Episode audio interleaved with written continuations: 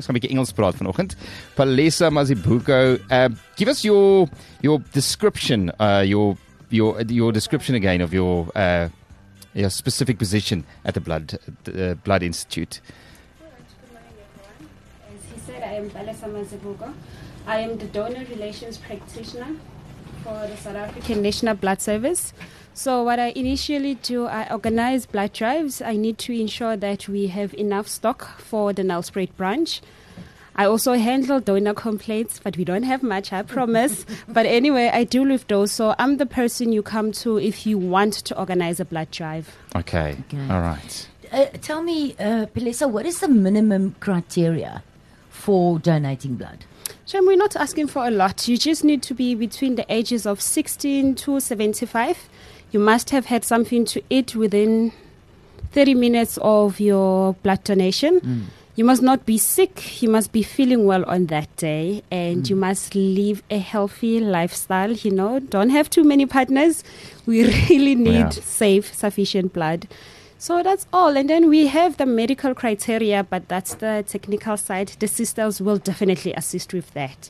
Because usually people think when you have high blood pressure and diabetes, you can't donate. Honestly, no, guys. Come to us.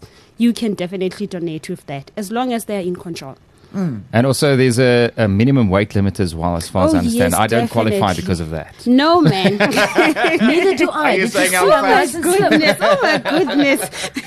Action, we mm. just need 50 kg upwards. Mm. Because Okay, if I'll you it. are less than 50, the possibility of you fainting, the chances are very high. Mm. Okay.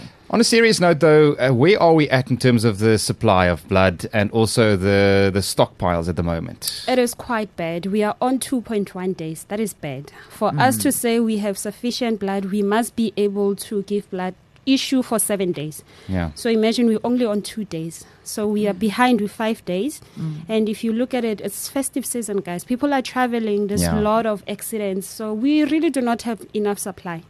And I, I, I, I suppose this is the reason behind this promotion on the 8th. Oh, yes, definitely. So on the 8th, tomorrow, oh God, it's tomorrow. Yes. oh Yes, tomorrow. word. It is We, tomorrow. we are here tomorrow.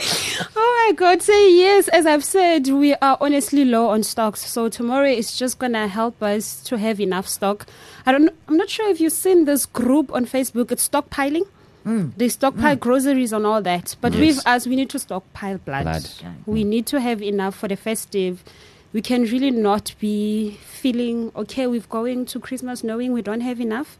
Mm-hmm. Unfortunately, people don't stop needing blood just because it's festive season. Yes. Uh, and, and, and in fact, it increases more people on the roads, more incidents. Definitely. People are more out and about. And where can we find you tomorrow?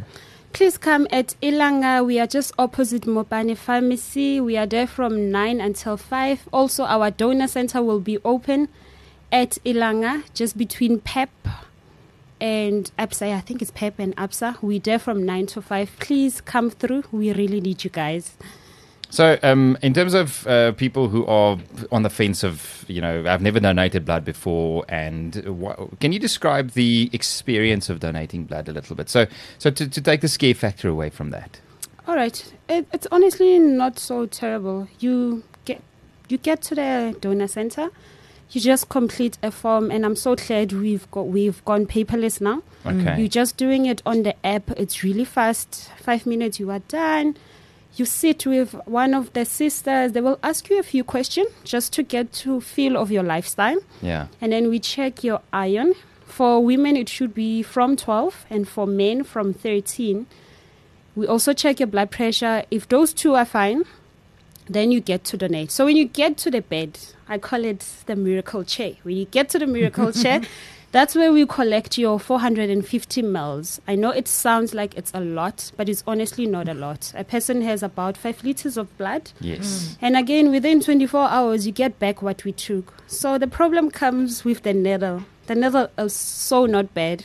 If you Right, look just at took it, away. Yeah. yeah, it's That's what just one are stick. scared of. Yes, the mm. needle, and it's just that one stick. A few seconds, it's like a bee sting. After a few seconds, you no longer feel it. Yeah. I mean, going to the doctor, getting an injection, it's worse It's because way something worse. is Yes. going inside your body. Yes. Right now, we are just extracting. So you just sit there, you don't feel anything, and the sisters are there to make you comfortable.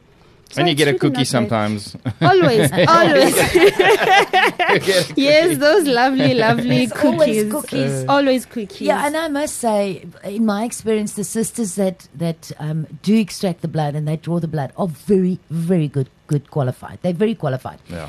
they really. they I mean, it's it's literally like you explaining now. It's little needle prick, in it goes, out comes the blood. Um, it's quick. They're very Then professional. you are done. You go on with your day. I've heard there might be some health benefits to donating blood. As a person, as a donator, you might experience some health benefits as well. New clean blood, new oxygen in your system, that sort of a thing. Is that proven, or is it just something that um, that people experience feeling well the next couple of days after donating blood? I think it's just what people experience, but also it is true in terms of receiving new blood. Because we've taken a portion of your blood, so your system is very smart. Your mind will tell the heart, uh uh pump We need now. to- yes, we need to more blood again. more. So it creates fresh blood. Who doesn't want fresh blood? Come on. Dracula. Vampires. Okay, so last question. Um, in terms of blood types, is there any preference um, that, you know, if you know what your certain blood type is, we know there are certain blood types that the plasma can be made from. Is that, is there a big drive for that, or is it any blood, any time? Okay, so with plasma, we prefer it's either O or A, but hmm. more specifically A because your plasma really lasts longer compared to the other blood types. And then when we get to O negative and O positive, we need it for whole blood mostly because we use that blood for emergencies. And B also, although it's also good, but it doesn't last as long as O. But so there's I'm- a shelf life to blood. Yes, there is ah. definitely. Ah. But I mean, every blood type is important. So people shouldn't think because I'm A, I'm not coming. yeah, yeah, yeah. We all need to come through. Yeah. Okay, so so apart from uh, um, showing up tomorrow, arriving there, donating blood, what else can the public and we, what else can we do to assist? You know what? It's not, we shouldn't focus only on tomorrow. There are other days. We need blood every day. Hmm. So if you have a company or you are at work and you see we can actually create a blood drive, call us. We only just need a minimum of 15 people. And then we come, we set up. It depends on how long you want us to be there. We actually make it easier for you. Hmm. Imagine going Yeah. to Ilanga when you don't feel like it. Hmm. So if we come to you, it's much easier. So people can definitely just call us or find us on Facebook. Just go on SANBS Facebook page, talk to them. They will actually get you to us. So- Okay, then then sorry, Niels, what is hosting a blood drive? Um, what does that entail? Okay, so we come to you. Let's say right like now at Radio Laeveld, Lorraine decides to invite us. Then we just come here. We spend maybe a minimum of two hours to four hours. We get everybody to come and just donate at work. Mm. Imagine how mm. fun that is. You just donating there, thirty minutes of your time. You are done. Now you are sparing your weekend. You don't have to go to Ilanga. Mm. So Do you still not get a cookie then? Yeah. oh my God, you love ah, cookies. I must bring you cookies. Yes, you definitely get We your cookies it. and your juice all the time. Sometimes we do have the token of appreciation mm. just to say thank you to the donors once in a while. So 70 units, 70 units is the target for tomorrow at Ilanga Mall. Most definitely. I believe we We're can going to make do it. it. We'll make it. Most definitely. Tomorrow morning. Absolutely. Ehm um, vanaf 9:00 die oggend die 8de Desember Vrydag tot en met 5:00 die middag kan jy gaan bloed skenk. Uh dis by die Suid-Afrikaanse Nasionale Bloeddiens en dit gaan gebeur, naby you close to what's uh Mopani. naby close to Oorkant Mopani. Mopani, Ja. ja. So jy kan gaan sien dit daar en 'n halfuur van jou tyd 450 ml van jou bloed en jy kan 'n lewer red. Alright. Wat beter is daar as dit?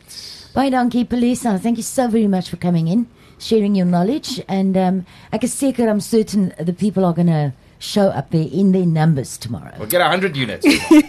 That's the spirit. Uh, thank you so much for Thanks, having me. Vanessa. Thank you. Bye. Bye.